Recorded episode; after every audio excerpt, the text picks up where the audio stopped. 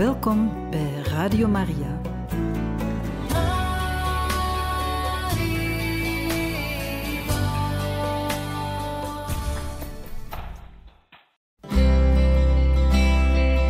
Welkom bij Boekat, een programma van Radio Maria.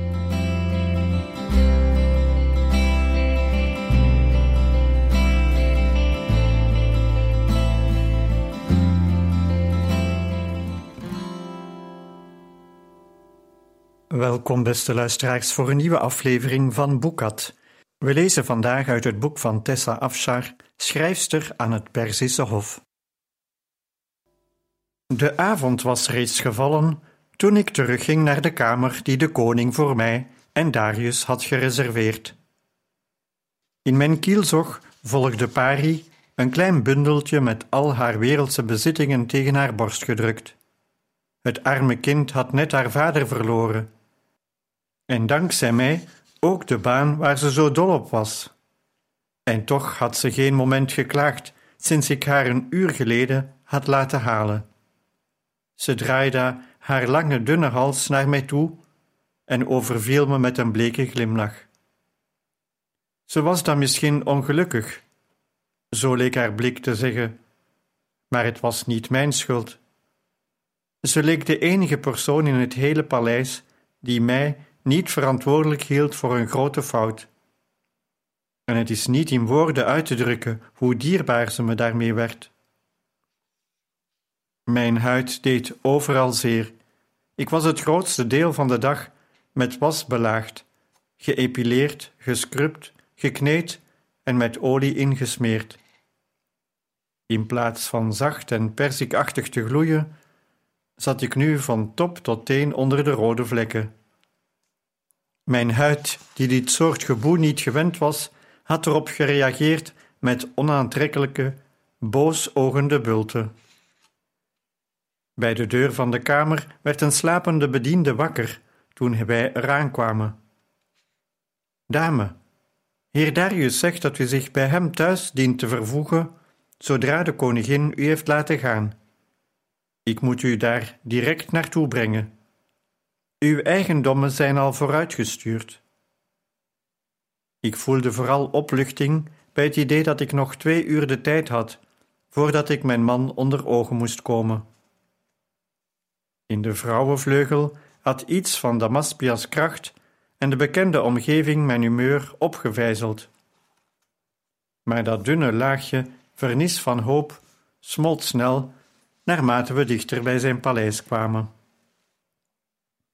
We waren een uur onderweg toen Darius Knecht me vertelde dat we zijn landerijen hadden bereikt. In het donker kon ik maar ternauwernood de vage contouren van boerderijen onderscheiden. Het was gebruikelijk dat aristocraten land aan boeren verpachten en zaden en benodigdheden schonken in ruil voor een deel van de oogst. Dus het gecultiveerde land verraste me niet. Wat me wel verraste, was hoeveel land het was. We reden ruim een uur voor we Darius' privéhuis en tuinen bereikten. Mijn man was rijker dan ik had gedacht, en dat was een deprimerend idee. Hoe moest ik ooit als meesteres mijn draai vinden, als ik gewend was een bediende te zijn? Ik had nog minder met Darius gemeen dan ik had vermoed.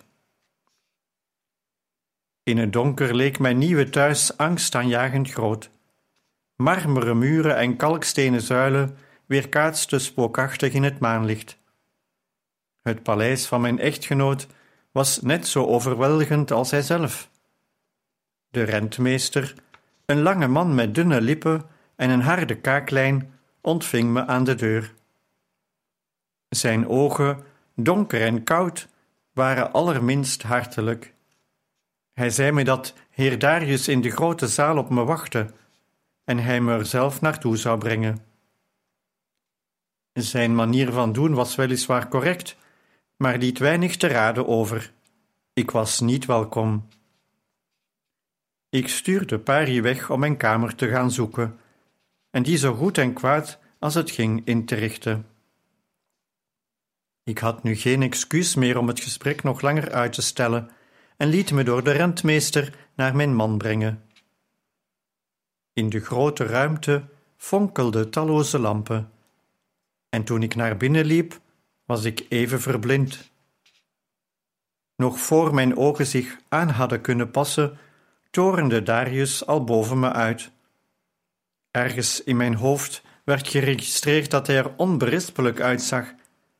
Hij droeg een knielange jas van rijke, handgeweven wol met strakke lange mouwen, bijeengehouden door een riem van gouden cirkels, met een felgekleurde strakke broek en een perfect kapsel. Ik daarentegen had nog steeds mijn bespottelijke trouwjurk aan. Wat is er met je gezicht gebeurd? Heeft de koningin je geslagen? vroeg hij verbaasd. Nee, mijn heer. Oh, hij klonk teleurgesteld. Ik ging hem niet vertellen dat ik er zo uitzag na een schoonheidsbehandeling, en dus zei ik enkel: Ze heeft een dienstmeisje meegestuurd. Darius sloeg zijn armen over elkaar. En ik mag daar zeker voor betalen. Ik heb haar al betaald, van mijn eigen salaris. Haar eerste jaarsalaris is ook al voldaan. Aha. Zijn mondhoeken kropen iets omlaag, alsof hij moeite moest doen om niet te lachen. Damaspia heeft je niet geslagen, maar beroofd. Ik haalde mijn schouders op. Ze heeft me gespaard toen ik haar de omstandigheden uitlegde. Dat is typisch koningin Damaspia. Hang een sneu verhaal op en ze gelooft het nog ook. Hebben we het over dezelfde koningin? De vrouw die volwassen mannen in tranen kan doen uitbarsten, die koningin. In plaats van te antwoorden, fronste hij, wees plotseling met een vinger naar me en riep: Nou, herken ik je. Gisteravond ging steeds maar door mijn hoofd dat ik je ergens van kende. Je kwam me zo bekend voor, maar onder al die verf kon ik je gezicht niet eens echt zien. Nu weet ik het weer. Je bent dat meisje van de heuvel, die griet met die leeuw. Ik ben de vrouw wier leven u hebt gered, ja. Het is niet waar. En dan beweer jij nog dat je je niet in dit huwelijk hebt gewurmd. Jij zag me die dag en bedacht een plannetje. Weet je, toen ik jou voor het eerst zag, dacht ik dat je aardig en oprecht was. Wat kan een man er toch naast zitten? Jij liet je ware aard toen al zien, met dat onoprechte vlei. Jouw soort ken ik al mijn hele leven lang. Hondsbrutale wezens die met hun ellebogen hun zin krijgen. Met een vuist sloeg hij tegen zijn voorhoofd. Mijn hemel! En dat is mijn vrouw. Het is niet te geloven. Hij leek even spraakloos, slikte toen een paar keer en zei met kille stem: Van jouw soort zijn er duizenden aan het hof van elke goede koning. Vrouwen en mannen die met list en bedrog hun weg omhoog klauwen. Je bent er misschien beter in dan anderen, dat moet ik toegeven. Want het is heel wat om je bij de familie van de koning naar binnen te werken. Gefeliciteerd, vrouw. Zelfs ik ben onder de indruk. Ik ben slangen tegengekomen met minder gif en minder berekening. Wat? Nee, ik had helemaal geen plannetje om met u te trouwen. Ik wist niet eens hoe u heette. De eerste keer dat ik wist dat Darius Passargadai de man was die mijn leven redde, was op mijn trouwdag. Jouw leugens maken me misselijk, weet je dat? Wanhopig gooide ik mijn handen in de lucht. Ik lieg helemaal niet. Ik wilde niet met u trouwen. Ik wilde met helemaal niemand trouwen. Ik was volstrekt gelukkig met het leven dat ik had. Ik vond het heerlijk de senior schrijver van de koningin te zijn. Uw beeld van mij is helemaal verkeerd. Weet je wat ik niet begrijp? ging hij verder alsof hij me niet had gehoord, is waarom je mij en mijn vader gisteravond op zo'n stuitende manier voor schut hebt gezet.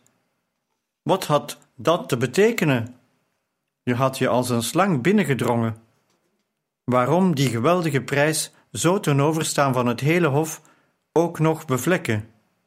Waarom mij zo voor aap zetten? Hij had inmiddels zoveel valse beschuldigingen op mij afgevuurd dat woede het over begon te nemen van de gevoelens van spijt die ik had over mijn gedrag. Het was geen opzet, siste ik tussen mijn tanden door, elk woord benadrukkend. Ik had nog nooit make-up gedragen. Ik wist niet hoe je dat op hoort te brengen. Houd toch op. Verwacht je nou echt dat ik geloof dat Damaspia jou geen hulp aan heeft geboden? Ze stuurde je niet haar eigen kamermeisje om je bij te staan. Bij de herinnering aan het domste van al mijn momenten voelde ik weer schaamte. Ik liet mijn blik zakken, te laf om hem te antwoorden. Ik wist het. Ze stuurde wel degelijk hulp. Hoe ben je erin geslaagd om die af te poeieren? Ze zullen jou heus niet zomaar alleen hebben gelaten als de koningin anders had bevolen. Je loog, gokte hij. De huid op mijn borst begon te branden. Ja, heer. Je loog glashard. Natuurlijk loog je. Zie daar, iets wat wel waar is. Je stuurde de bediende weg, omdat niemand van Damaspias hofhouding toegelaten zou hebben dat je naar je eigen huwelijksbanket ging, uitgedocht, uitgedost als een demon uit het donkerste duister. Aanvankelijk stuurde ik ze weg omdat ik niet wilde accepteren dat ik ging trouwen. Ik wilde doen of het niet waar was, denk ik, en dacht dat ik op een op een of andere manier nog onder deze verbintenis uit kon komen. Op de laatste dag besefte ik dat er geen hoop meer was, maar toen hoorde ik dat Paris vader op sterven lag en heb ik haar naar hem toegestuurd om afscheid te kunnen nemen. Ik had heus wel de hulp van een of ander gevraagd, als ik had geweten hoe het zou aflopen. Dat klinkt wel heel makkelijk. Ik verzeker u, heer, dat ik nog nooit zoiets ongemakkelijks heb meegemaakt. Darius draaide zich om en liep van me weg. Heel even begreep ik waarom hij zo geneigd was me niet te geloven. De meeste vrouwen zouden de kans met beide handen aangrijpen om de echtgenote te worden van een rijke, ongelooflijk knappe aristocraat met een directe verbinding naar de koning. Het idee dat ik niet met hem wilde trouwen was hem zo vreemd dat het wel een leugen moest zijn. Ik overwoog hem uit te leggen hoe het tot deze verbintenis was gekomen, in de hoop dat hij begreep dat Damaspia ervoor had gekozen me te belonen met een koninklijk huwelijk, en dat hij me dan eindelijk zou geloven. Maar ik had haar beloofd haar vertrouwen nooit te beschamen. Ik kon mezelf er niet toe brengen haar geheim te delen met een man die ik nauwelijks kende. Zijn stappen, snel en doelloos, deden hem meermaals de kamer doorkruisen voordat hij weer bij me stond. Ik kan leugenaars niet verdragen. Ik denk niet dat ik jou kan verdragen. Jouw hele aanwezigheid is als een giftige dolk die in mijn vlees prikt. Het spijt me zeer, zei ik, en sloeg mijn armen om mijn middel. Hij stak een hand op om mij het zwijgen op te leggen. We gaan het als volgt doen. Jij blijft vooralsnog hier. Ik breng de zomer door in Ekbatana met de rest van het hof. Als ik terugkom, beslis ik over jouw lot. Maar, jonge dame, als ik jou was, zou ik maar snel aan de eenzaamheid gaan wennen. Want je bent dan misschien met een edelman getrouwd. Aan jouw karakter is niets edels te ontdekken. En ik zal er hoogst persoonlijk voor zorgen dat je zo ook zult leven. Voor ik een poging kon wagen om mezelf te verdedigen, draaide hij me al zijn rug toe en liet me alleen achter in de uitgestrektheid van die wilderige zaal. Ik voelde hoe de muren al op me afkwamen. Als hij me levend in een Egyptische tombe had begraven, was ik minder eenzaam geweest. Meesteres, U kunt niet weer de hele dag in bed blijven. Het is al middag. U moet echt opstaan. Ik hoorde Paris' stem door een slaperige nevel en wuifde haar weg. Laat me met rust. Dit gaat zo echt niet. U maakt uzelf nog ziek. Ik gromde naar haar. Jij bent de bediende hier, ik je meesteres. Jij wordt geacht te doen wat ik je zeg. En dat ga ik ook doen, zodra u opstaat. Ik liet de kostbare verlokking van bewusteloosheid moeizaam los, ging rechtop zitten en probeerde mijn slaperige ogen scherp te stellen. Waarom? Er is hier toch niets te doen? Om te beginnen zou je wel een bad kunnen gebruiken. En voor daarna verzinnen we nog wel iets. Ik ging met mijn hand door mijn ongekamde haar. Hoe lang geleden was het sinds ik voor het laatst op was gestaan? Hoe lang geleden was het sinds mijn leven voor het laatst een doel had gehad? Er waren weken voorbij gegaan sinds Darius me had verlaten, me alleen had gelaten, om in dit lege kasteel te verkommeren. Dagen en nachten gingen in elkaar over, tot ik uiteindelijk elk gevoel van tijd was kwijtgeraakt. Tegen het einde van de eerste week waren mijn handen gaan trillen. Ik kreeg ze maar niet onder controle. Toen de tweede week van mijn huwelijk om was, sprak ik niet meer. En als ik toch probeerde te praten, kwamen de woorden er vreemd en door elkaar gehusseld uit. Ik at en sliep alleen nog maar. Soms was het of ik bergen eten naar binnen werkte, veel meer dan nodig was om mijn honger te stillen. Ik at uit verveling, uit woede, uit angst, en ik sliep om te vergeten. Om te vergeten dat mijn leven een puinhoop was en er geen ontsnappen aan was. Je bent een vervelend wicht, zei ik tegen Pari, boos omdat ze mijn enige toevlucht had verstoord. Neem het mij niet kwalijk, meesteres. Opeens drong tot me door dat dit plotselinge vertoon van koppige ongehoorzaamheid veel moed had gevergd van mijn anders zo meegaande bediende.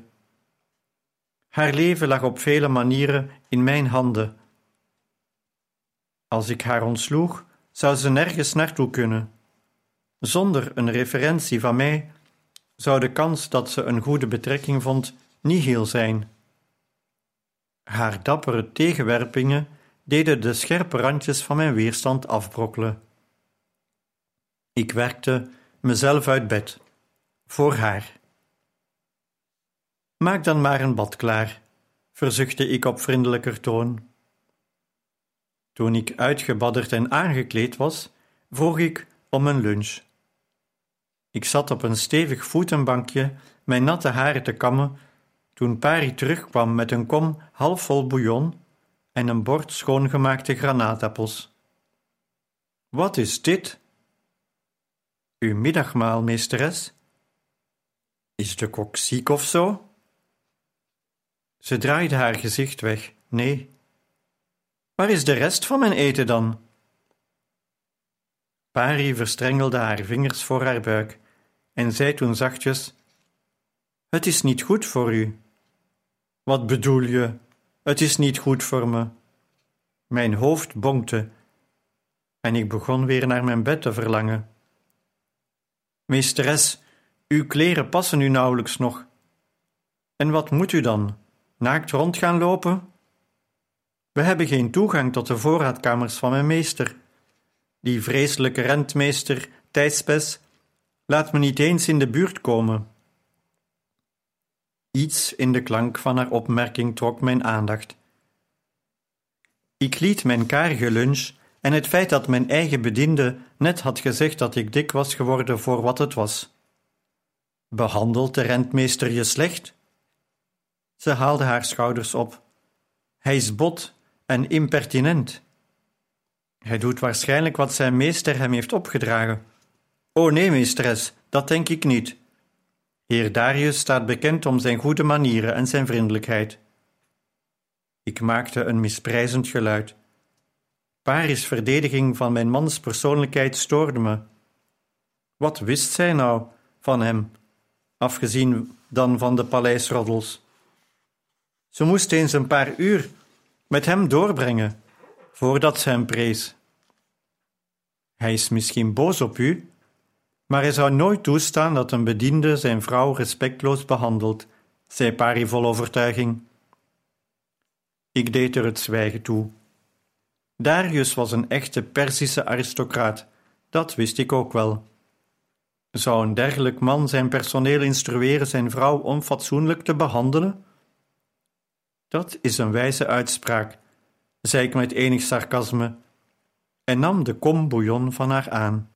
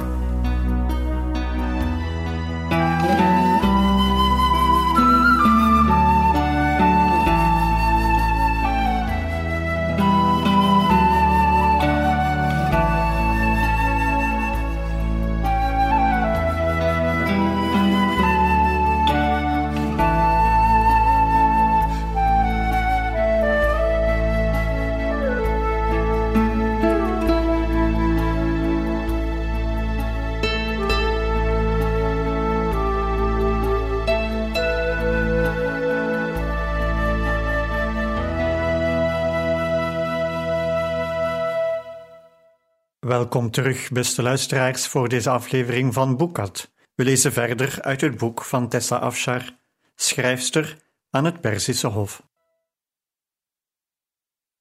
Het begon met de dagen dat ik, door me in mijn kamer op te sluiten en toe te geven aan de wanhoop, de bediende alle kans had geboden ook het kleinste beetje respect dat ze misschien voor me hadden kwijt te raken.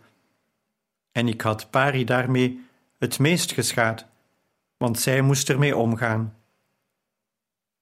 Mijn gretige duik in alles verterend zelfmedelijden had ervoor gezorgd dat een onschuldig meisje dagelijks vernederd werd en te lijden had. Met plotselinge en onaangename helderheid besefte ik dat ik me niet kon blijven verschuilen voor de werkelijkheid, omdat ik niet langer alleen voor mijn eigen welzijn, maar ook voor dat van een ander verantwoordelijk was.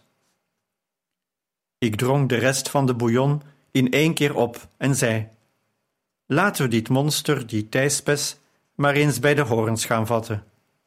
Ja, meesteres, meteen. Pari sprong op en trok met onmiskenbaar enthousiasme de zware houten deur van mijn kamer open. Voor het eerst in dagen zette ik voet over de drempel en struikelde direct over een harige bult en landde bijna op mijn hoofd. Ik wist overeind te blijven door me tegen de muur te drukken en keek naar wat mijn bijna val had veroorzaakt. De grote bruine ogen van een machtige, reebruine mastief keken me aan. Wat is dat? riep ik uit. Dat is Caspian, de jachthond van mijn meester. Reuze charmant. En wat doet hij hier voor mijn kamer? O nee, hé, laat me raden. Je hebt hem mijn eten gegeven, niet? Ik was zo eenzaam, meesteres. Ik sloot mijn ogen en schudde mijn hoofd. Waarom heeft zijn meester dat beest niet meegenomen? Wat is er mis met hem? Niks. Hij is geweldig. Zijn meester heeft dit keer zijn valk meegenomen naar Ekbatana. Caspian en de valks zijn niet echt vrienden. En heer Darius neemt ze om beurten mee op zijn reizen. Ik bekeek het enorme lijf van de hond, zijn bonkige schouders, zijn lange poten. Hij beantwoordde mijn blik met een zekere intelligentie.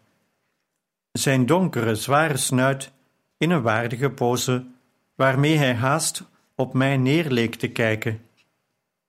Ik fronste. Dit is een hond die getraind is voor de strijd en de jacht. Waarom zit hij niet in zijn kennel? En wordt hij niet door de terreinknecht verzorgd? Pari liet haar stem zakken. Er is geen terreinknecht. Thijspes heeft hem ontslagen, net als een hele reeks bedienden, zogenaamd omdat ze niet langer nodig zijn, omdat de meester zoveel weg is. Er is nog maar een handjevol personeel over. Sommigen zijn spionnen voor Thijspes.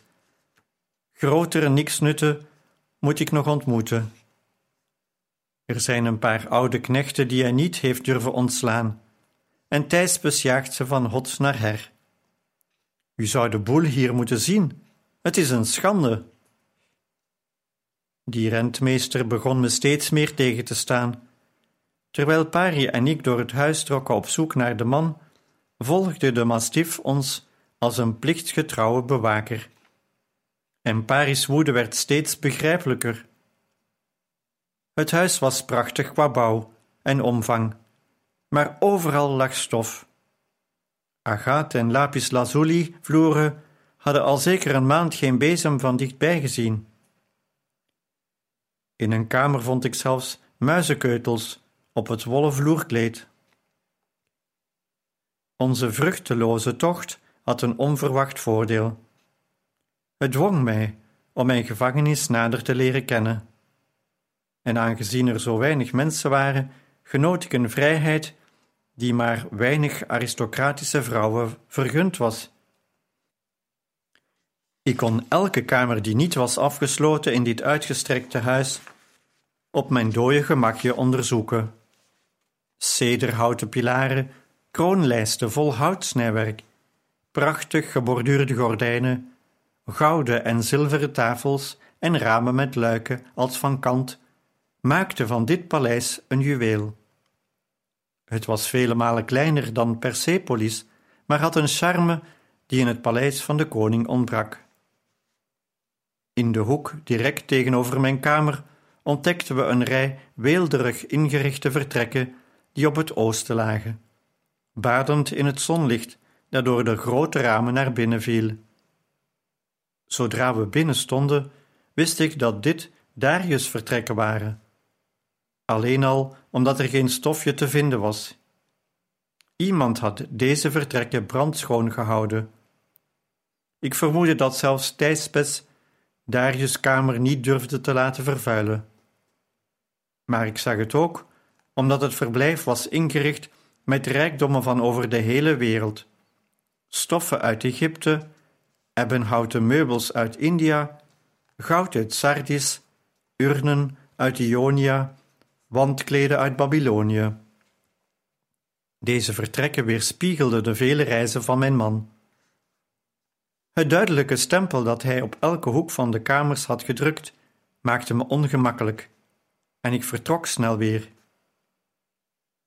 Ik wist dat hij het een schending van, mijn, van zijn privacy zou vinden dat ik hier was. Maar het bezoek aan zijn vertrekken riep zijn gezicht weer op in mijn rusteloze ziel. Ik dacht terug aan Darius' woorden tijdens mijn eerste nacht hier. Weet je, toen ik jou voor het eerst zag, dacht ik dat je aardig en oprecht was. Ik was zo bezig geweest met zijn niet aflatende stroom aantijgingen dat ik de paar aardige woorden die hij had geuit tijdens die ontmoeting was vergeten. Heel even, toen hij me voor het eerst ontmoette, had hij me gemogen. Had gedacht dat ik goede eigenschappen had.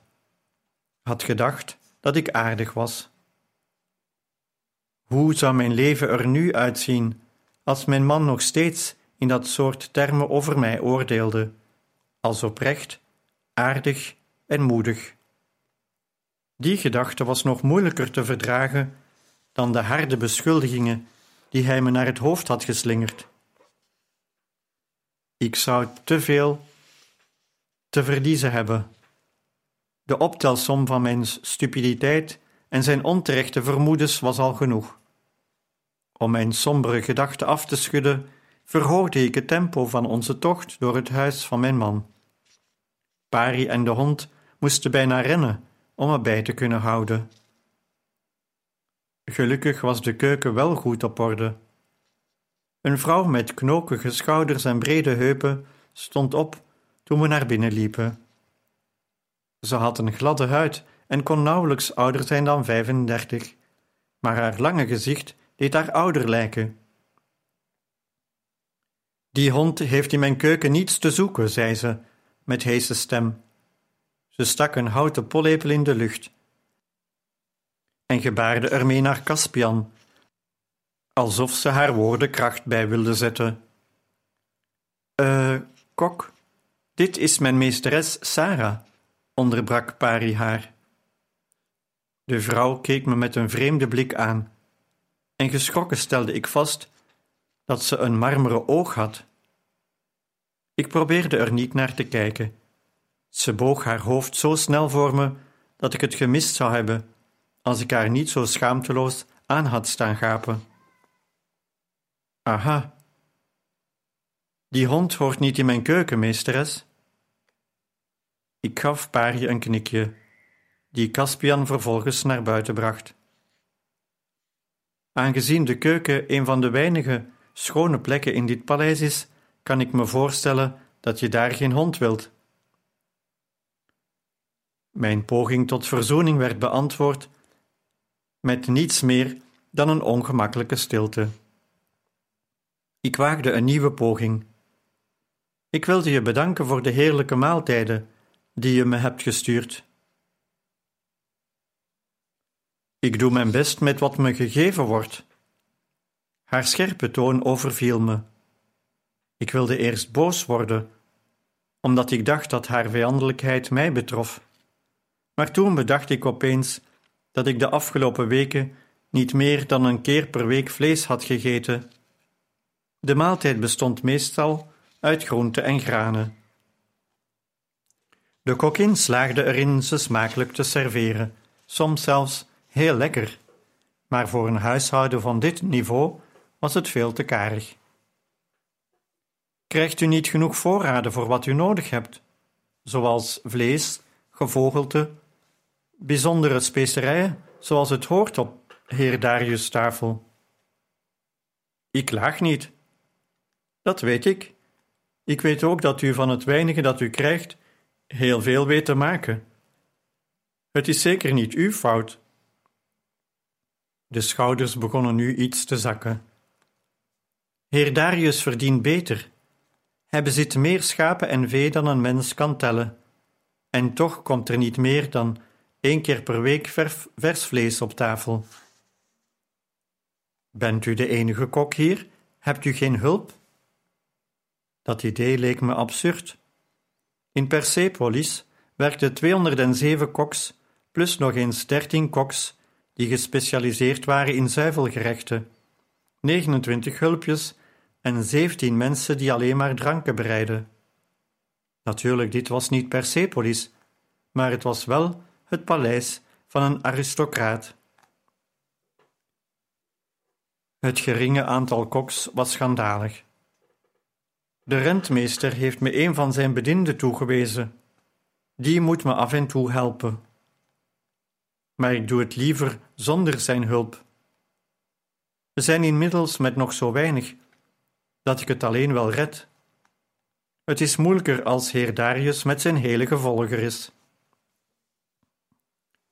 Ik herinnerde me dat Pari vertelde dat Thijspes bediende als zijn spionne fungeerde en kon het de kokkin nauwelijks kwalijk nemen dat ze het liever allemaal alleen deed. Ik begrijp het. Ik zal kijken wat ik kan doen. Weet u misschien waar ik de rentmeester kan vinden? Hij is vanochtend vertrokken. Zei dat hij pas in de avond terug zou komen. Ik knikte en draaide me om om weg te gaan. Meesteres, riep ze en gaf me een bot. Voor de hond.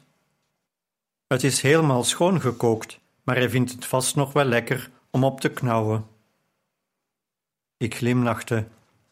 Achter die onhandige, scherpe façade klopte een warm hart. Mag ik vragen hoe je heet? Susan. Dat is een ongebruikelijke naam. Susan was de Perzische uitspraak van de hoofdstad Susa. Ik ben er geboren, vandaar. Mijn ouders werkten in de huishouding van heer Vivant, al toen hij nog een jonge man was. Ze waren met hem op weg naar het noorden toen de bevalling te vroeg begon. Ze haalde Susa nog net op tijd, en daar werd ik dus geboren. Susa moet dus veel voor ze betekend hebben het grappige is dat heer Vivant de naam bedacht. Mijn vader zei dat hij volledig bezweet raakte bij het idee dat een vrouw langs de kant van de weg zou bevallen. Hij was zo opgelucht dat ze Sousa op tijd bereikte en dat ik in de veilige omgeving van het paleis ter wereld kwam, dat hij mijn moeder met een gouden munt beloonde. Het is ook wel te begrijpen hij was toen pas 25. Dankzij hem ben ik nog in leven, zei ze. Gefascineerd vroeg ik: Hij redde je leven? Ze wees naar haar kunstoog. Ongeluk. Het gebeurde in het laatste jaar van koning Xerxes' heerschappij, toen ik nog een kind was. Ik speelde riddertje met een van de andere kinderen, en zijn stok schoot uit en belandde in mijn oog. In plaats van me naar de dokter in de stad te sturen, nam heer Vivant me in zijn armen, galoppeerde naar het paleis en liet meteen de koninklijke arts ontbieden. Niemand durfde de neef van de koning iets te weigeren. Een Egyptische arts zorgde voor me. Hij zei dat ik aan de bloeding zou zijn overleden als heer Vivant niet zo snel had gereageerd. Mijn heer betaalde zelfs voor mijn kunstoog, zei ze, en wees naar het beschilderde marmer dat in haar oogkas zat. Hoe ben je kok geworden? vroeg ik. Het was een positie die meestal door mannen werd bekleed. En vrouwen werden al helemaal niet de hoofdkok, zoals Susan in dit huishouden leek te zijn. Aangezien ik zelf een mannenbaan had gehad, vond ik dat interessant. Het duurde maanden voordat ik genezen was. Op een zomerdag zette ze mijn bed buiten in de tuin om me een beetje op te fleuren. Ik lag in bed en keek hoe een dienstmeisje kleren waste in de zon. Ik was droevig, dacht dat ik nooit meer iets zinvols zou kunnen doen met dat ene oog. Heer Vivant bleek me in de gaten te houden. Hij kwam soms op bezoek tijdens mijn herstel. Susan, ik beloof, zei hij toen, dat als je weer beter bent, je in mijn hofhouding kunt doen wat je wilt. Hij is een man van zijn woord. Ik had altijd al in de keuken willen werken. Toen ik daarachter kwam, stelde hij me aan als leerling van zijn beste kok. Ik dacht na over wat ze had verteld. Mijn schoonvader, die me tijdens de bruiloft dodelijke blikken had gezonden, had vreselijk in de zorgen gezeten over een bediende die in de buitenlucht een kind dreigde te krijgen. Hij had gezorgd voor een gewond boerenkind, en wel met hetzelfde vurige beschermende instinct dat hij bij een eigen kind zou hebben getoond. Hij had de carrière-deuren geopend voor een vrouw op wie anderen zouden hebben neergekeken. Hoe ben je dan bij heer Darius beland? Ze begon te stralen. Heer Darius was altijd al dol op mijn eten. Hem maakte het niets uit dat ik een vrouw ben, en knokig en half blind. Hij beloofde me dat hij me tot chef-kok zou maken, zodra hij zijn eigen huishouden had. Zijn vader mopperde dat Darius zijn beste kok stal, maar dat was meer plagerij hoor. Hij zou mijn heer nog de maan geven als hij dat vroeg. Vroeger, toen heer Darius hier altijd was, hadden we zulke geweldige feesten. Soms liet hij me zelfs aan het einde van zo'n feest halen en stelde me dan voor aan zijn gasten. Hij zei dat hij trots op me was. Ik kon wel zien dat Susan mijn man adoreerde, en het beeld dat ze van hem schetste, een genereuze en vriendelijke meester, verbaasde me. Ik kon toch moeilijk zo over hem denken, en hield liever vast aan het idee dat hij vreed en onredelijk was. Buiten blafte de hond. Ik vreesde dat het dier in zijn enthousiasme misschien weer de keuken in zou stormen en Susan zou irriteren. Ik zwaaide met het bot en zei: Dank je, je, Susan, en schrok bijna toen ze glimlachte. Ik besefte dat ik de eerste voorzichtige stap had gezet naar vriendschap met het huis van mijn man. En plotseling was de gedachte mijn bed te moeten verlaten helemaal niet meer zo overweldigend.